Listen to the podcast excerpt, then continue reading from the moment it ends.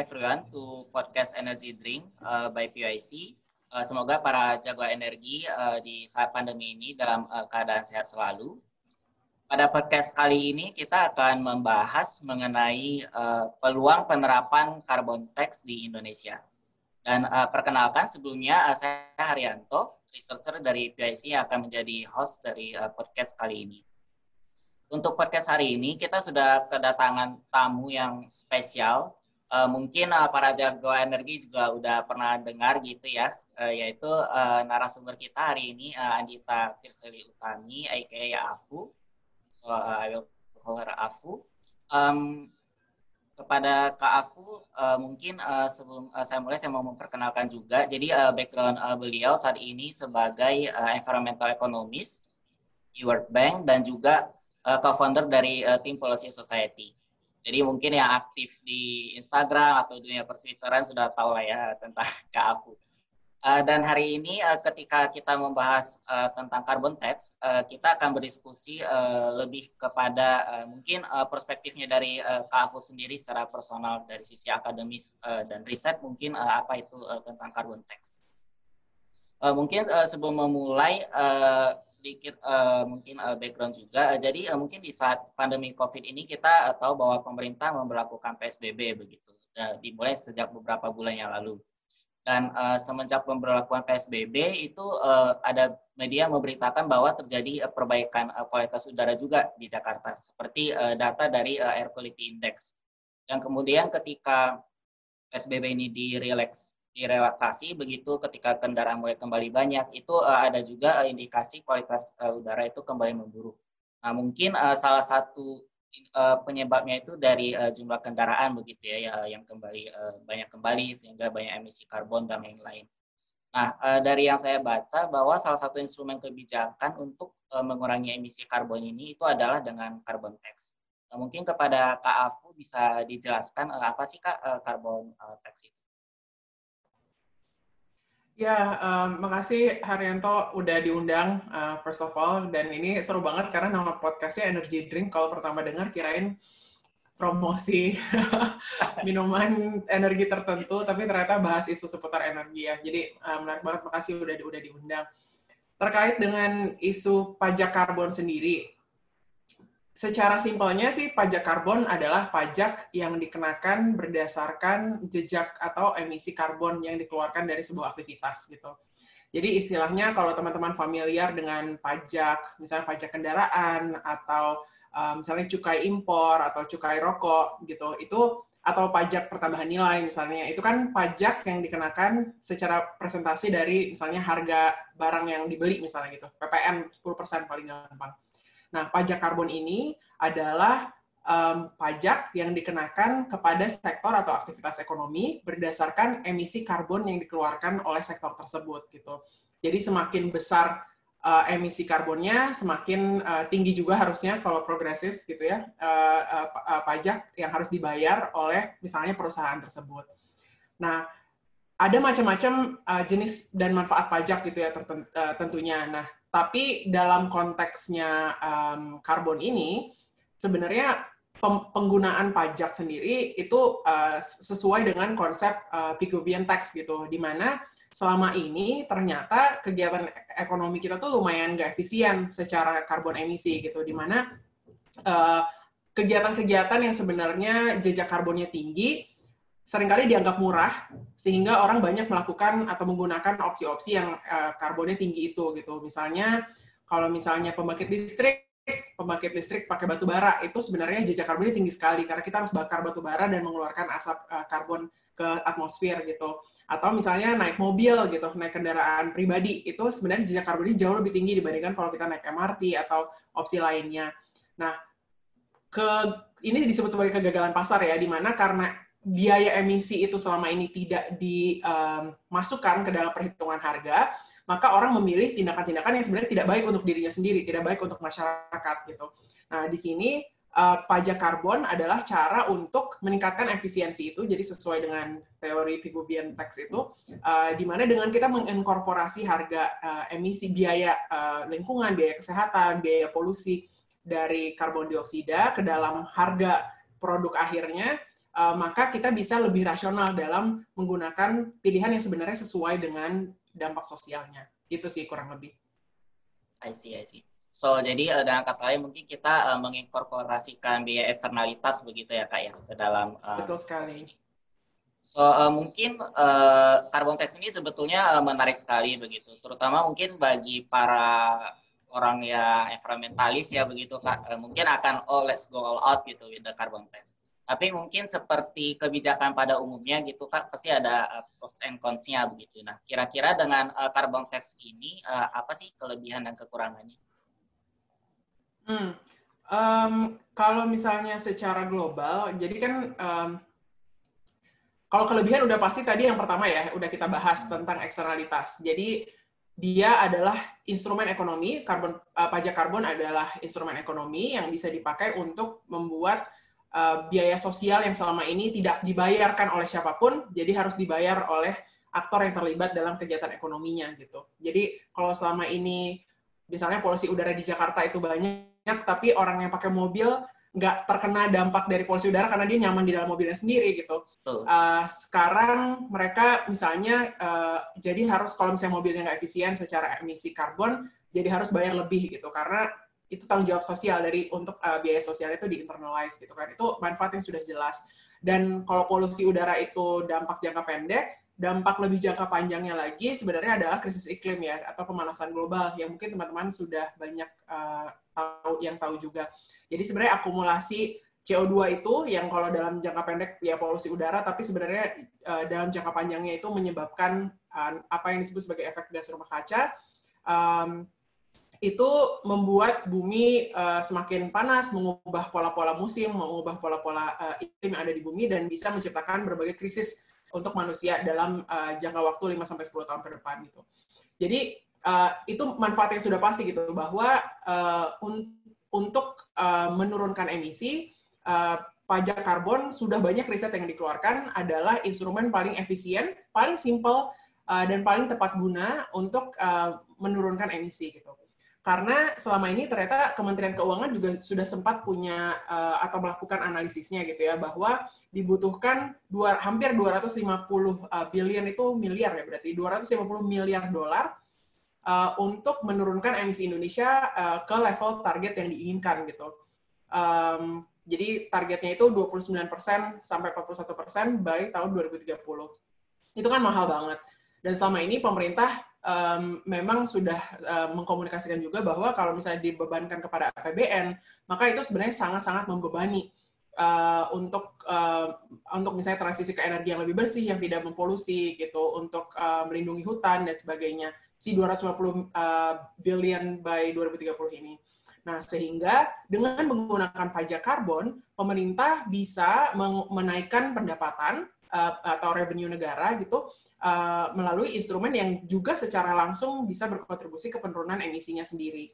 Jadi um, si target uh, apa ya 250 billion itu memang kebanyakan dibutuhkan untuk transisi energi uh, dari yang jadi sekarang tuh Indonesia masih sangat bergantung sama energi yang uh, berbasis fossil fuel gitu kan, baik itu pembangkit listrik maupun transportasi. Nah, dengan menggunakan pajak karbon ini, udah mah negara bisa mendapatkan um, apa namanya tadi pendapatan lebih dari dari sektor yang mengeluarkan emisi lebih besar sekaligus menjadi insentif untuk sektor energi dan transportasi tadi misalnya untuk mulai memikirkan alternatif-alternatif yang lebih rendah uh, emisi atau alternatif-alternatif yang lebih efisien secara energi gitu secara uh, secara otomatis. Jadi yang dipengaruhi pasarnya supaya pasarnya lebih efisien gitu tanpa uh, membatasi secara uh, sepihak gitu misalnya ini uh, atau mengatur secara berlebihan melalui regulasi. Mungkin itu sih.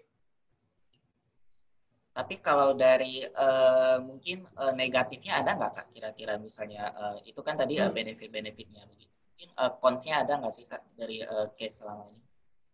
Iya, uh, sebenarnya kalau dalam ekonomi itu kan selalu apa yang dipandang sebagai positif atau negatif itu juga it depends gitu ya dari ya, perspektif yeah, yeah. siapa dan apa yang diukur.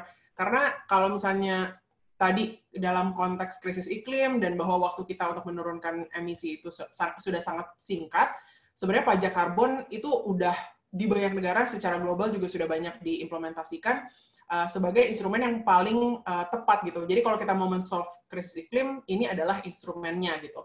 Uh, jadi itu apa ya secara pros gitu. Tapi uh, sisi mungkin bukan sisi negatif atau consnya, tapi lebih kayak aspek yang harus di manage, harus harus di uh, diatur atau di, dibantu uh, agar implementasinya bisa lebih smooth gitu, mungkin adalah aspek bagaimana uh, pajak karbon ini bisa mempengaruhi harga-harga uh, dan bagaimana implementasinya di lapangan bisa dilakukan dengan smooth gitu ya. Karena um, sama dengan semua skema misalnya pajak gitu, tentu skemanya sempurna itu satu hal. Jadi misalnya skemanya progresif, mengatur sektor apa aja di, di regulasi itu satu hal.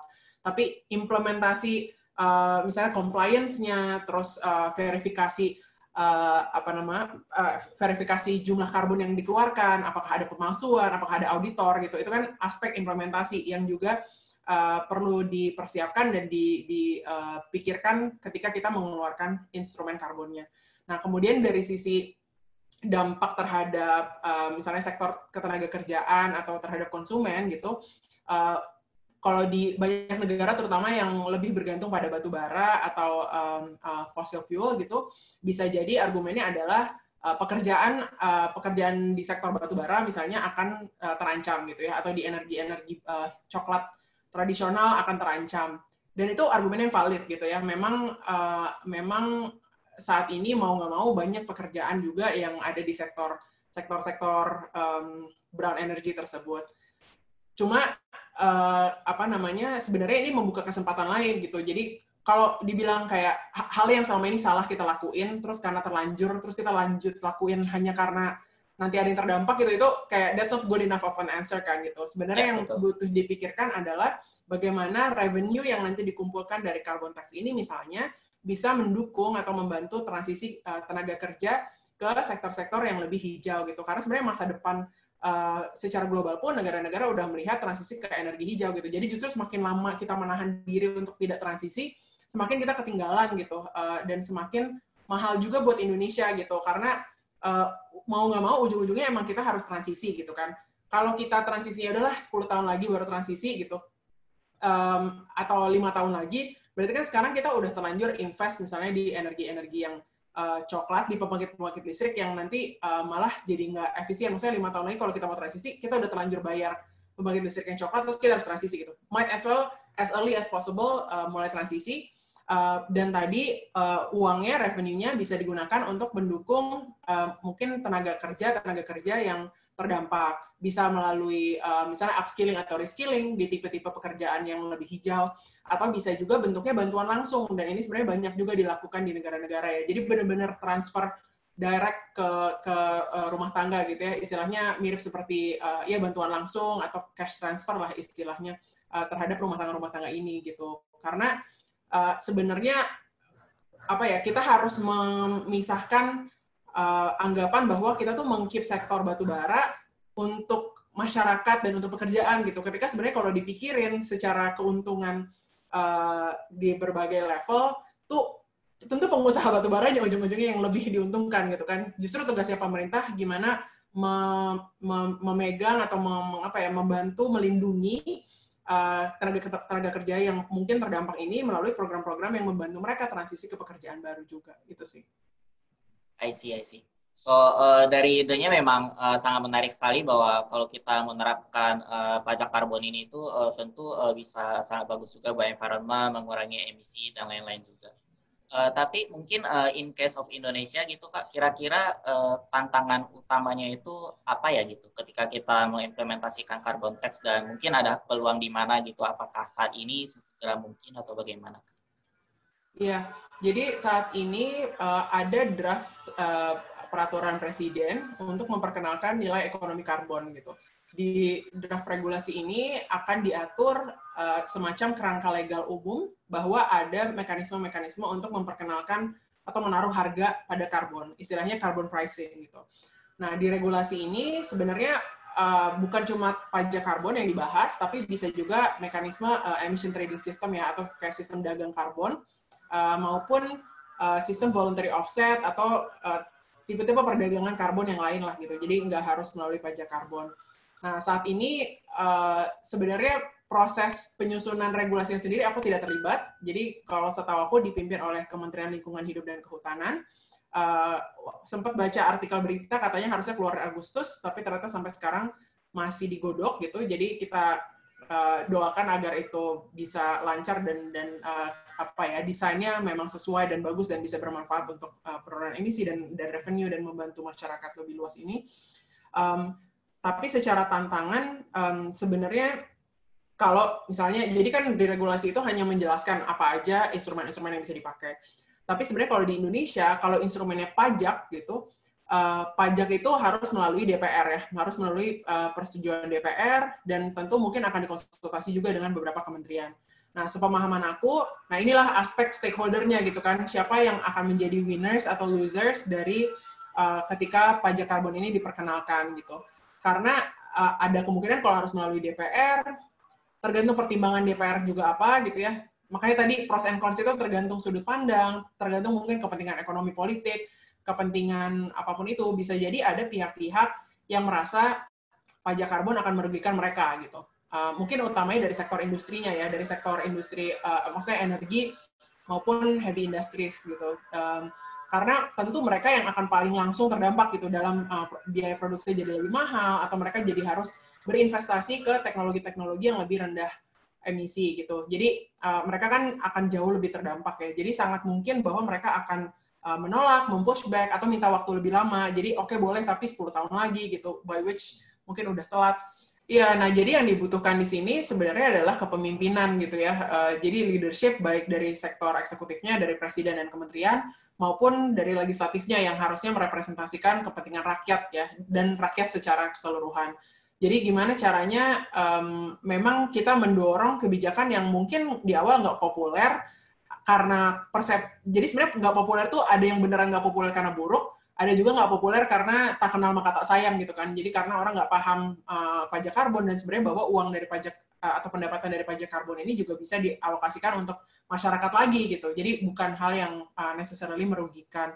Nah, jadi uh, itu sih harapannya ya kalau misalnya memang sudah bisa uh, apa ada leadershipnya dari kedua uh, sektor tersebut, uh, pastinya masyarakat juga asal di uh, dibantu dengan program-program transisi dan diedukasi juga, uh, pasti masyarakat akan mendukung gitu. I see. Jadi, uh, maksudnya saya membayangkan kalau misalnya ketika pajak karbon ini diterapkan, itu kan uh, pemerintah berarti ada uh, revenue yang lebih gitu ya dari tes ini. Nah, itu sebetulnya juga uh, bisa dikembalikan kepada masyarakat lagi gitu ya, kayak. Jadi, uh, benefitnya juga uh, kembali ke masyarakat begitu. Betul, betul banget. Dan udah sering dibahas juga kan bahwa sebenarnya teks, uh, apa rasio tak, uh, rasio pajak Indonesia terhadap GDP itu cukup rendah gitu. Jadi memang uh, karbon atau nggak karbon, maksudnya krisis iklim ataupun nggak krisis iklim, ini uh, cukai pajak atau atau eh, cukai pajak, cukai karbon atau pajak karbon itu cara untuk memang meningkatkan pendapatan dan membantu uh, pemerintah juga bisa mengalokasikan ulang ke program-program prioritas pembangunan lain. I see. Dan kalau uh, misalnya ketika kita menerapkan uh, carbon tax ini, kira-kira itu uh, harga komoditas itu misalnya akan meningkat drastis nggak gitu Kak? Dan kemudian uh, apakah uh, masyarakat yang berpendapatan yang masih uh, di bawah level menengah gitu, itu uh, bagaimana gitu uh, menghadapinya? Ya, nah di sini uh, desain dari carbon tax itu sendiri menjadi sangat penting ya. Jadi desain dari sisi uh, yang pertama misalnya pajaknya mau dikenakan di level mana gitu. Apakah mau di level yang paling upstream, jadi benar-benar dari apa ya produk uh, proses produksi yang awal banget, uh, atau di ketika dari bahan setengah jadi jadi bahan jadi, atau di konsumen di akhir gitu. Ini uh, apa hal yang perlu dilihat berdasarkan misalnya elastisitas masing-masing uh, level ini sendiri gitu. Uh, karena itu, itu yang pertama ya. Kedua sek sektornya juga. Jadi kalau misalnya secara umum uh, memang biasanya orang-orang lihat sektor energi dan sektor uh, apa industri berat lah gitu yang biasanya emisinya paling tinggi gitu. Uh, kalau misalnya sektor energi misalnya seperti halnya subsidi BBM yang sebenarnya kalau um, oh itu obrolan lain juga ya selain pajak yeah. karbon sebenarnya removing subsidi juga bisa dampaknya bisa sama sebenarnya secara teori ekonomi gitu kan jadi uh, kalau kita ngenalin pajak karbon tapi masih subsidi BBM itu sebenarnya kita kayak ngeluarin uang buat ngumpulin uang lagi kayak ya anyway itu offset gitu ya offset gitu. Dan gak efisien banget. Dan gak iya, efisien yeah, maksudnya harusnya subsidi juga dicabutkan. Um, apa namanya itu udah banyak juga studi yang melihat misalnya bagaimana subsidi BBM selama ini uh, tidak menguntungkan uh, apa tingkat kelas ekonomi di uh, di di level yang ter terendah gitu. Karena sebenarnya konsumsi BBM lebih banyak dinikmati oleh kelas menengah atau menengah atas gitu kan. Nah jadi sama halnya ketika kita misalnya uh, memajaki karbon uh, untuk konsumsi energi energi misalnya sebenarnya bisa didesain di mana rumah-rumah dengan uh, uh, apa namanya kan ada kelas-kelas kelas-kelas besar wattage-nya ya gitu. Kayak misalnya rumah di atas 900 volt uh, atau 2000 volt atau 3000 volt lebih tinggi kenanya gitu sehingga uh, apa uh, kelas-kelas uh, atau rumah-rumah tangga yang memang konsumsi listriknya lebih rendah bisa uh, mendapatkan harga yang tetap sama atau bahkan uh, disubsidi gitu atau mereka kena pajak karbon juga tapi mereka mendapat subsidi tambahan dari revenue dari rumah-rumah uh, yang uh, voltage-nya lebih tinggi misalnya contoh contoh lain desainnya jadi uh, intinya sih semua balik ke desain dari pajak karbonnya sendiri gitu. Di mana kalau pada umumnya aku merasa pajak karbon ini sebenarnya sangat progresif gitu karena pada akhirnya yang lebih banyak konsumsi energi maupun produk ya yang masih yang paling suka nggak tahu lah beli apa segala macam gitu secara umum kan konsumsi memang didorong oleh kelas menengah dan menengah atas gitu jadi uh, harusnya sih pajak karbon pun bisa progresif gitu cuma dampak terhadap pekerjaan tadi uh, yang harus di uh, diiringi atau didampingi dengan program-program tambahan. Uh, dan uh, kemudian ketika uh, pemerintah mengimplementasikan let's say uh, pajak karbon ini kak itu kira-kira uh, optimalnya bagaimana ya? Mungkin tadi uh, kak aku sudah menyinggung sedikit ya. Jadi mungkin uh, pajak karbon ini tidak berlaku equal gitu uh, to whole maksudnya uh, people of Indonesia. Mungkin uh, dilihat dari regionnya atau uh, level income-nya ya begitu. Iya, um, tadi ya sebenarnya maksudnya sama dengan dengan jawaban sebelumnya gitu. Jadi balik ke ke uh, desainnya, sektornya. Um, tadi poin aku tentang elastisitas itu juga bisa dikaji lebih lanjut gitu dalam arti um, apa namanya sektor-sektor di mana sebenarnya masyarakat sangat responsif terhadap harga, uh, di mana maksudnya kenaikan harga sedikit saja bisa sangat mempengaruhi itu dampak terhadap welfare-nya gimana gitu kan itu bisa dilihat-lihat ya. Sebenarnya pada akhirnya cukai baik itu karbon maupun yang baru-baru ini dibahas sebenarnya cukai plastik misalnya itu kan arahnya mau mendorong ke level konsumsi yang efisien gitu. It. bukan mau bikin orang susah gitu. Uh, yeah. Tapi ketika ketika konsumsinya berlebihan atau atau tidak efisien, uh, kita bisa tingkatkan. Nah, pada contoh plastik itu uh, temuannya misalnya adalah bahwa cukai di level berapapun, serendah apa pun, misalnya 200 rupiah atau bahkan 500 rupiah lebih bagus lagi, itu aja udah bisa menurunkan konsumsi sebanyak 50% gitu. Karena ternyata selama ini cuma masalah orang ngerasa plastik gratis, jadi harus saya ambil gitu, karena mumpung gratis gitu. Uh, bukan karena memang dibutuhkan gitu kan. Jadi orang juga, saya juga bukan kayak anti plastik gitu, tapi sebenarnya level konsumsi selama ini yang salah karena asumsi, uh, karena eksternalitasnya itu tidak diinternalize ke harga plastik yang dibayar konsumen gitu. Nah, jadi kalau dengan 200-500 rupiah bisa menurunkan konsumsi apa kantong plastik 50 persen, itu kan kayak efisien banget sebenarnya gitu dan dan yeah. cuma masalah itu aja. Nah, sama kayak karbon juga nanti bisa dilihat per sektor seperti apa agar dampak terhadap uh, welfare atau uh, apa ya pertumbuhan ekonominya uh, tetap tetap uh, tetap jalan gitu uh, dengan uh, tetap menaruh ju, apa tujuan jangka panjang untuk menurunkan emisi. So ya uh, itu uh, menarik juga sih kak. Jadi mungkin uh, berarti uh, dengan bahasa lain tuh key idea-nya itu adalah pajak ini itu sebetulnya goalnya itu juga mengubah consumer behavior gitu ya. Jadi uh, mengubah pola hidupnya gitu, uh, pola hidup dari si masyarakat. Uh, dan tidak cuma plastik ya, ya sempat saya ikuti itu juga terkait dengan gula ya kak. Ya. Itu kayaknya ya, uh, terkait dengan uh, ya masyarakat Indonesia yang banyak diabetes dan lain-lain itu juga uh, gula. Uh, dan kemudian kak uh, yang saya pernah baca itu selain carbon tax itu uh, ada istilah uh, carbon cap and trade juga itu kan. Nah itu uh, boleh dijelaskan kak seperti apa carbon uh, cap and trade? Ya, jadi kalau misalnya uh, cap and trade itu mekanisme di mana pemerintah mengalokasikan jatah emisi ke masing-masing sektor, misalnya uh, apa ya di, di level perusahaan atau atau sektornya, uh, di mana perusahaan atau misalnya pabrik lah gitu hanya dibolehkan untuk mengeluarkan emisi sampai batas tertentu. Jadi let's say 1000 ton karbon gitu. Ini asal ya angka angka buatan.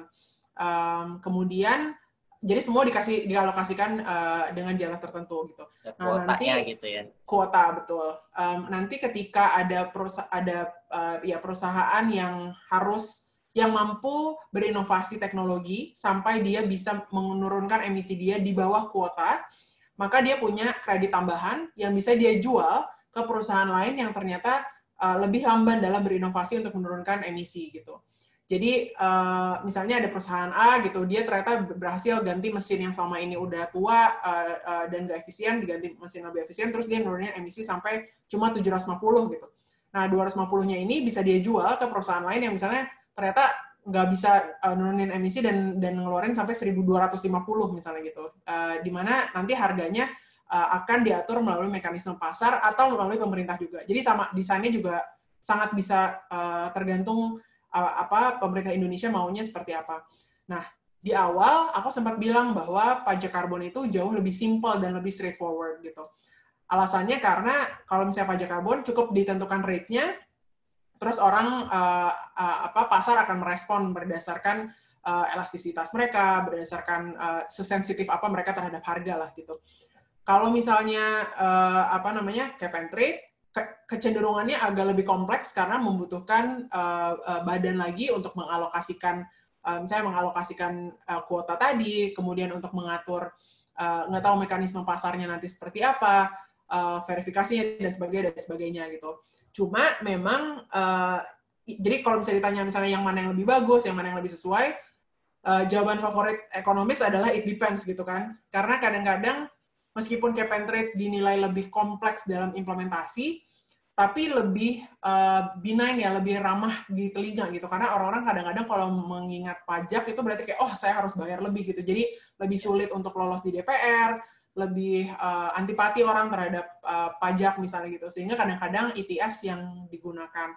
Uh, itu bisa juga. Jadi pada akhirnya semua sangat uh, bergantung pada desain, pada komunikasi pemerintah, pada konteks negara uh, yang masing-masing uh, punya prioritasnya plus minusnya tadi kalau misalnya cap and trade enaknya secara teori harusnya benar-benar bisa mengcap emisinya. Jadi misalnya Indonesia punya target uh, tadi 29% penurunan gitu. Jadi kita harus cap di mana gitu. Nah, itu capnya kan jadi jadi uh, apa ya, lebih pakem gitu bahwa uh, ya udah orang harus meet this uh, this level uh, of kuota uh, dan udah gitu that's it gitu. Sedangkan kalau misalnya pajak pada akhirnya lebih kayak oh kita coba dulu harga pajak misalnya 2 dolar terus 5 dolar uh, per ton terus naik terus naik untuk mengukur kira-kira sebenarnya dampak terhadap emisinya seperti apa. Jadi ada ada elemen uh, kepastiannya tuh di harga gitu bagi uh, bagi perusahaan, tapi ketidakpastian di sisi pemerintah uh, dari sisi cap uh, emisi yang nanti pada akhirnya jadi outcome-nya gitu. I see, I see. Ini itu uh, yang tadi kakak sebut ya, yang terkait dengan pemerintah sedang menyusut menyusun rancangan undang-undang yang terkait carbon uh, trading itu sama ya kak berarti dengan uh, carbon trading? Iya betul. Jadi uh, memang kalau regulasinya sendiri judulnya carbon pricing ya, jadi nilai ekonomi karbon, di mana di dalamnya ada yang mekanisme cap and trade, uh, pajak maupun mekanisme-mekanisme pasar lain gitu sih. Right. Jadi masih uh, digodok juga ya aturan-aturannya. Iya, termasuk kayak results based payment ini juga yang uh, apa namanya sangat pemerintah Indonesia sangat suka gitu karena uh, apa intinya ada negara-negara seperti Norway yang mempledge gitu atau menjanjikan pembayaran berdasarkan penurunan deforestasi uh, di Indonesia gitu. Nah ini uh, skemanya beda lagi gitu. Jadi intinya kalau Indonesia berhasil menurunkan misalnya kebakaran hutan, uh, terus uh, deforestasi hutan dan sebagainya, maka kita akan mendapatkan pembayaran uh, dari negara tersebut. Jadi emang results based payment gitu ya. Istilahnya sebenarnya kita menjual karbon, uh, menjual karbon juga sih, tergantung skemanya. Uh, karena ada yang karbon apa penurunan karbonnya tetap dianggap sebagai milik Indonesia, jadi bisa dilaporkan sebagai achievement Indonesia ke NDC. Tapi kita tetap dapat payment karena payment itu lebih kayak insentif untuk membantu negara. Uh, ada juga yang mekanismenya memang uh, apa jual beli gitu, termasuk yang didorong di sektor privat juga ya. Ada di uh, apa rimba raya di uh, Sentra Kalimantan uh, di mana mereka memanfaatkan pasar voluntary uh, karbon di mana ada misalnya perusahaan-perusahaan yang mau meng-offset emisi karbon mereka so mereka jual karbon kredit dari restorasi hutan dan sebagainya ke misalnya Unilever gitu atau apa pun perusahaannya yang punya target voluntary uh, untuk nurunin emisi. Nah, cara-cara seperti ini juga ada dan diatur di uh, Perpres ini. Menarik. Jadi mungkin uh, istilahnya juga uh, semacam new currency ya gitu ya, currency yang barunya ini new credit gitu ya kayaknya. Iya, karbon gitu ya. Iya. Ya. Uh, dan kemudian mungkin uh, kalau untuk carbon tax sendiri uh, kan sepertinya uh, ide ini udah cukup lama gitu ya, maksudnya enggak baru-baru dan uh, sudah banyak negara gitu yang uh, menerapkan. Nah, kira-kira uh, success story di negara mana ya gitu kak yang menerapkan carbon tax dan kira-kira uh, mungkin uh, lessons-nya apa gitu yang bisa diambil oleh Indonesia? Ya, uh, jadi mungkin aku bisa uh, sebutkan juga bahwa sudah ada 61 carbon pricing initiatives gitu yang uh, antara sudah diimplementasikan atau sudah dikomitmenkan oleh pemerintah negara-negara uh, secara global gitu ya. Ini termasuk uh, yang di dalam EU juga yang sebenarnya skema ETS terbesar lah gitu uh, uh, secara regional. Nah, sejauh ini oh dan itu levelnya ada yang nasional jadi dari 61 itu 46 emang negara tapi ada juga yang melakukan di level uh, subnasional gitu jadi bahkan antar provinsi uh, atau antar jurisdiksi uh, bisa saling berdagang karbon misalnya. Uh, nah, dari 61 ini juga setengah-setengah ada yang ETS, setengahnya ada yang pakai pajak karbon. ETS itu yang tadi emission trading system. Uh, dan secara total revenue dari carbon pricing ini udah sampai 45 billion dolar gitu. Jadi gede banget. Maksudnya uh, emang emang uh, apa ya? Ini ini udah secara serius ber, uh, berjalan dan dan benar-benar ada revenue-nya gitu sebenarnya kalau mau diimplementasikan. Nah, kalau uh, terkait dengan lessons learned, yang uh, sering uh, apa namanya uh, menarik untuk di, dibicarakan mungkin bagaimana uh, Cina melakukannya sekarang gitu ya. Jadi uh, Cina itu melakukan uh, apa carbon tax-nya di level uh, regional. Jadi ada tujuh provinsi yang saling uh, apa namanya yang melakukan ETS gitu. Jadi mereka saling berdagang di level di level regional uh, dan kalau misalnya pajak mungkin yang dekat juga uh, negaranya di di Asia adalah kok terus aku nggak yakin Filipina atau um, sebenarnya kalau pajak banyak banget sih uh, negara yang melakukan juga dan dan rate-nya uh, beda-beda gitu. Mulai dari yang serendah um, sebentar, mulai dari yang serendah kayak 5 dolar gitu, tapi sampai juga Switzerland atau Sweden yang sampai naruh uh, harga uh, tax karbonnya di 120 dolar gitu. Itu per semua balik. Oh, sorry, oh, itu kayak per uh, 5 dolar ton, per, oh, per ton karbon, per ton karbon. Jadi um, rate-nya uh, emang ditentukan di masing-masing negara tergantung target mereka. Nah, kalau ditanya lessons learned-nya, yang paling pertama sih sebenarnya bahwa semua ini bisa mulai dengan piloting. Jadi nggak bakal ada namanya desain sempurna dari awal. Mau itu ETS, mau itu pajak, pasti ada isu-isu yang baru ketahuan dan baru bisa dipelajari dan diperbaiki setelah kita mulai jalan gitu.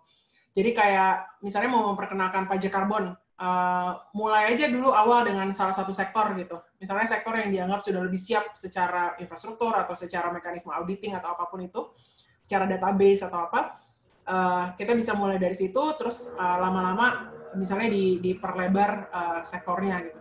Sama juga rate-nya gitu. Kita bisa mulai dengan rate semurah mungkin, nggak tahu bahkan satu dolar per ton karbon gitu. Uh, baru lama-lama semakin progresif gitu. Uh, jadi intinya itu. Jadi kalau misalnya dibilang kayak oh Indonesia belum siap, kita harus nunggu nanti desainnya belum selesai gitu. Itu emang emang nggak nggak ada yang kayak gitu gitu. Maksudnya sama dengan Cina mulai dari uh, regional dulu, terus uh, lama-lama sekarang diobrolin gimana ya sampai ke level nasional. Tapi karena COVID uh, jadi agak lebih tertunda lah gitu. Itu. Yang kedua, pentingnya mengalokasikan pendapatannya atau revenue-nya dari dari pajak karbon atau carbon pricing ini ke dalam sektor-sektor yang memang uh, dianggap penting oleh masyarakat gitu ya. Dan utamanya sih kalau bisa memang berkontribusi juga uh, ke aksi iklim gitu ya. Bisa yang bentuknya uh, adaptasi jadi membantu misalnya membangun infrastruktur yang lebih tahan iklim gitu atau bahkan bisa balik uh, dialokasikan untuk petani-petani supaya mereka mampu uh, beradaptasi untuk cara bertani yang lebih tahan iklim gitu. Jadi misalnya bibitnya lebih resilient, lebih nggak butuh air uh, uh, dan sebagainya. Atau bahkan lebih penting lagi sebenarnya untuk membantu transisi energi tadi. Jadi udah mah kita nurunin uh, apa namanya ngasih insentif untuk mereka mulai mengadopsi teknologi, tapi terus dialokasiin ulang lagi juga untuk bangun pembangkit-pembangkit listrik yang lebih hijau gitu. Itu itu penting banget dan mengkomunikasikan di awal itu ternyata sangat mempengaruhi, ini ada risetnya ya, sangat mempengaruhi penerimaan masyarakat terhadap pajak karbonnya. Karena begitu masyarakat tahu, oh ternyata gue dipajakin karena uangnya mau dipakai buat A, itu lebih bisa diterima daripada sekedar, ah pemerintah nih, you know, majak-majakin aja, tapi sebenarnya nggak tahu uangnya buat apa gitu. Apakah cuma buat gaji orang-orang di DPR, kan suka gitu ya ininya, uh, apa namanya, persepsi ya, masyarakatnya. Betul. Dan yang terakhir, yang ketiga, adalah pentingnya uh, memiliki champion ya istilahnya apa ya kayak jagoannya di di pemerintah leadershipnya tadi uh, untuk bisa menjadi muka suara uh, dan juga apa ya uh, komunikator lah terhadap kebijakan carbon pricing ini gitu. Dan ini penting bukan cuma buat carbon pricing tapi semua kebijakan ya termasuk penanganan pandemi ini gitu kan. Selalu penting untuk ada uh, apa namanya uh, ya kelihatan lah siapa siapa yang menjadi muka leadershipnya dan bisa di keep accountable terhadap keseluruhan prosesnya agar transparan dan partisipatif. Saat ini sayangnya dalam penyusunan regulasi uh, apa peraturan uh, presiden yang tadi dibahas pun uh, sebenarnya prosesnya relatif nggak transparan kalau boleh dibilang gitu ya karena draftnya nggak di share dulu ke uh, misalnya ke CSO atau ke ke peneliti-peneliti pada umumnya tapi uh, sempat ada draft yang di share dulu banget gitu tapi dalam beberapa bulan terakhir tuh udah ada beberapa versi tapi nggak di share lagi ke uh, masyarakat umum. Nah ini juga bisa membantu penerimaan masyarakat sebenarnya karena uh, apa proses yang lebih transparan. Itu sih mungkin. Uh, mungkin uh, kita uh, sudah tidak berasa uh, sudah uh, at the end uh, of this discussion. Uh, saya mau recap sedikit sih uh, tadi uh, poin terakhir dari uh, Kak Afu ada tiga yang penting yang pertama itu mungkin ini ya, uh, jadi uh, tadi terkait dengan bahwa kita menerapkan carbon tax itu kita nggak bisa menunggu sampai perfect dulu gitu uh, desainnya. Jadi kita uh, terapkan uh, gradually gitu, bertahap bisa by sectoral first and then kita expand to mungkin all sectors gitu. Kemudian yang kedua itu adalah uh, redistribution dari uh, revenue yang sudah kita dapatkan dari carbon tax.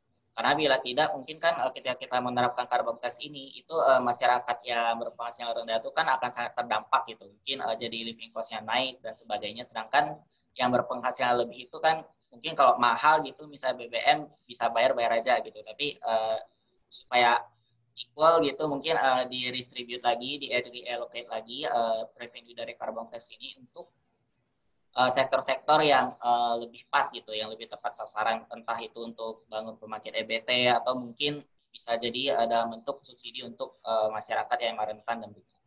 Dan yang terakhir itu adalah terkait dengan uh, mungkin uh, image tadi itu semacam bukan brand ambassador ya, tapi mungkin kayak oh mungkin kalau kalau kita ngomong carbon tax itu kita masih butuh public figure gitu ya, mungkin kayak yang uh, bisa kayak oh untuk mempercepat gitu untuk uh, penerapan dari carbon tax ini. Betul. Dan yang poin tentang gradual tadi, akhirnya aku ingat itu Afrika Selatan. Jadi uh, benar mereka mulai dari harga yang sangat uh, murah dulu, jadi kayak 7 dolar per ton karbon. Terus lama-lama plannya adalah uh, bahwa akan makin lama makin mahal, tapi dikomunikasikan dari awal. Jadi perusahaan sudah memiliki kepastian, karena kan ini pada akhirnya uh, pasar yang butuh uh, kepastian bahwa misalnya mereka harus inovasi, mereka harus adopsi mesin-mesin baru atau apa gitu kan.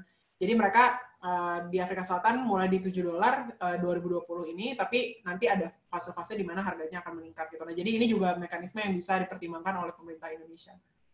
Iya, interesting sih. Jadi memang secara bertahap, jadi nggak langsung ini kalau terlalu apa ya, mungkin bukan radikal sih, terlalu ekstrim gitu masyarakat kaget gitu. Jadi butuh adaptasi gitu. Betul. Sama kayak mungkin subsidi BBM ya semacam itu kan bahan-bahan yeah. juga itu yeah. I think it's a similar case gitu. Ya. Betul. Ya.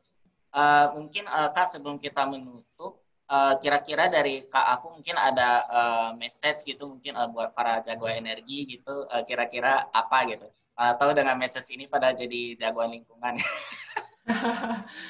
jagoan energi dan jagoan lingkungan harusnya hal yang sama ya, karena mudah-mudahan okay, okay. bisa paralel. Bisa paralel. Ya mungkin uh, kalau teman-teman uh, jagoan energi ini kebanyakan anak muda yang mungkin memahami atau bekerja di sektor uh, energi gitu ya mungkin. Yang interest gitu uh, di bidang energi. Oh, yang tertarik sama sektor energi ya. Iya mungkin uh, di antara teman-teman ada yang um, apa namanya ada di sektor yang masih uh, fossil fuel based, masih brown energy gitu, tapi mulai berpikir atau membayangkan sebenarnya apa sih mekanisme insentif yang bisa membantu sektor brown untuk lebih hijau gitu. Nah, ini uh, apa uh, pajak karbon ini dan juga mekanisme ETS ini sangat uh, menarik banget untuk diikuti karena itu bisa jadi mekanisme yang sangat-sangat efisien dan efektif tadi. Uh, jadi mungkin ajakannya untuk teman-teman yang uh, mungkin baru dengar atau mau tahu lebih lanjut gitu, bisa ikutin apa ya berita update tentang isu ini karena itu tadi sebenarnya prosesnya kan harusnya partisipatif, tapi ketika ya. kalau pemerintah ngerasa nggak ada yang tertarik, nggak ada yang ngedengerin, maka mereka bisa uh, ya balik layar draft draft draft terus tiba-tiba keluar gitu kan tanpa tanpa ada masukan. Jadi kalau bisa membuka ruang lebih banyak lagi untuk kita bahas tentang uh, pajak karbon ini seperti apa, itu akan sangat baik sekali. Uh, salah satu contohnya sebenarnya tadi ketika ngomongin sektor, aku jadi baru ingat. Jadi Bu Sri Mulyani juga baru saja berkomentar tentang uh, uh, opsi untuk memperkenalkan cukai karbon untuk kendaraan bermotor gitu. Jadi um, kemarin kan sempat diperkenalkan di, uh, uh, apa namanya bahasa ininya ya biaya pokoknya pajak untuk luxury goods gitu uh, pajak kendaraan mewah ya atau barang mewah tapi untuk ah, ah. kendaraan yang kebetulan agak diinfuse pakai uh, mekanisme emisinya sedikit tapi uh, itu bagian dari dari pajak yang sebenarnya arahnya pajak barang mewah gitu kan. Nah kemudian Bu SMI per, pernah komentar lagi bahwa sebenarnya mungkin yang bisa kita pakai juga adalah cukai pajak, eh, cukai karbon uh, untuk kendaraan pada umumnya. Jadi kendaraan yang level efisiensinya beda-beda itu dipajaknya lebih uh, tinggi supaya harga kendaraan yang efisien jadi kompetitif dibandingkan kendaraan yang tidak efisien gitu kan. Nah ini termasuk apa yang selain perpres yang tadi dibahas juga berita yang teman-teman bisa ikutin gitu dan dan coba lihat apakah akhirnya cukai uh, karbonnya jadi diperkenalkan untuk untuk sektor uh, kendaraan pribadi ini. Um, nah, yang kedua mungkin untuk teman-teman yang di sektor uh, memang sudah di green energy, uh, kan selama ini uh, apa namanya mungkin apa ya memang terutama untuk solar misalnya untuk solar uh, panel itu tantangannya atau constraint secara regulasinya masih banyak uh, untuk mendor mendorong um, transisi tersebut gitu. Mulai dari local content requirement uh, terus juga uh, apa pricing scheme yang uh, membuat jadi tidak kompetitif dibandingkan sumber energi coklat dan sebagainya.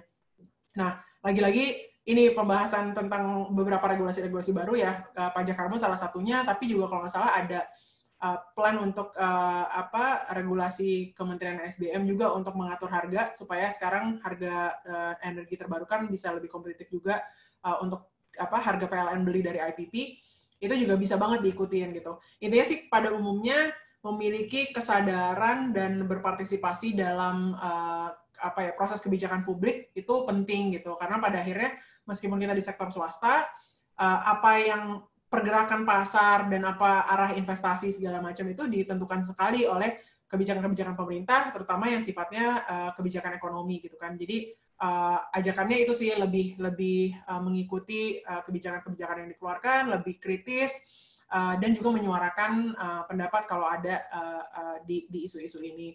Sekaligus uh, karena sambil tadi disebutin tentang think policy uh, society, itu sebenarnya uh, jaringan atau wadah yang kita uh, ciptakan untuk profesional-profesional muda yang mau belajar lebih lanjut tentang kebijakan publik. Jadi mungkin kalau teman-teman tertarik bisa buka uh, apa Instagram kami at thinkpolicyid atau uh, dari websitenya juga thinkpolicy.id di mana ada kelas-kelas online gratis, ada handbook yang bisa di-download juga uh, untuk lebih memahami tentang uh, misalnya pajak itu apa tadi uh, bedanya sama instrumen regulasi atau uh, apa ya proses kebijakan publik pada umumnya itu seperti apa bisa dipelajari di thinkpolicy.id. Mungkin itu Haryanto dari aku pesan ya. terakhirnya. Yeah.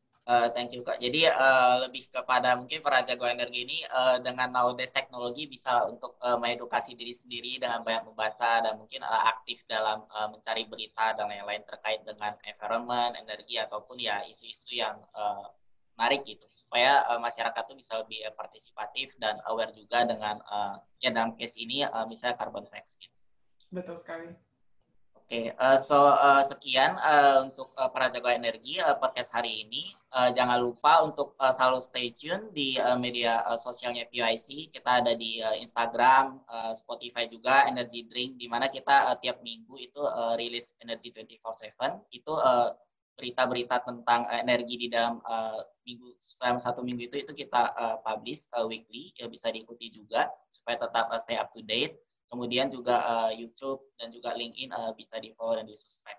So uh, again, uh, thank you very much uh, Kak Afu yang sudah meluangkan waktunya uh, di uh, weekend ini uh, sangat uh, bermanfaat sharingnya. Semoga uh, para teman-teman yang mendengarkan bisa lebih aware lagi tentang uh, carbon tax dan bisa lebih aktif lagi berpartisipasi. Thank you Kak Afu. Ya, yeah, thank you so much yeah, Arianto dan teman-teman Energy Drink.